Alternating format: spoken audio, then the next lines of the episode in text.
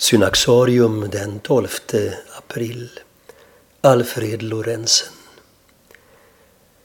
När Jesusfolket från USA anlände till Skandinavien under 1970-talet och med den en karismatisk förnyelse som spred sig genom de historiska kyrkorna var det inte alla i de traditionella pingstsamfunden som öppnade sina dörrar. En av dem som gjorde det var Alfred Lorenzen pastor i Köpenhamn och den danska pingströrelsens oomstridde ledargestalt. För honom själv och den församling han ledde var det början på en ny tid.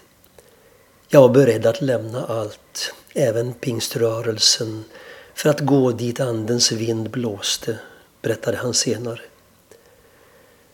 Om den andliga förnyelsens betydelse för honom själv sa han det var något som bröt fram stilla och lugnt men som kom att förändra allt i mitt liv.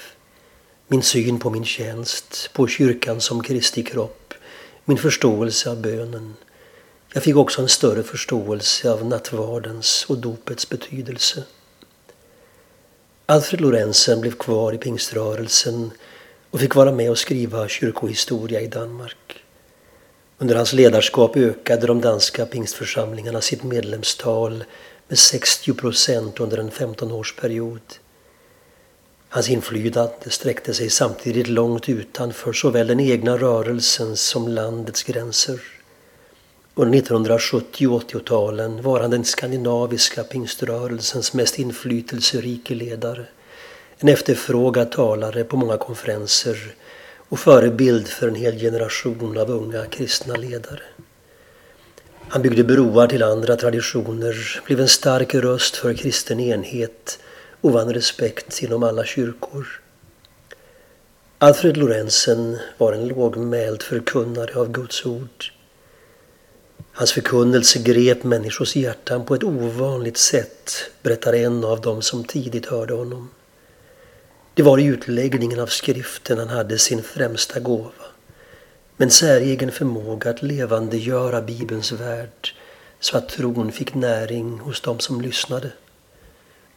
Ett annat ögonvittne säger när han öppnade munnen var det ibland en sådan utstrålning och klarhet att man fick gåshud och alla förstod att det var Gud som talade.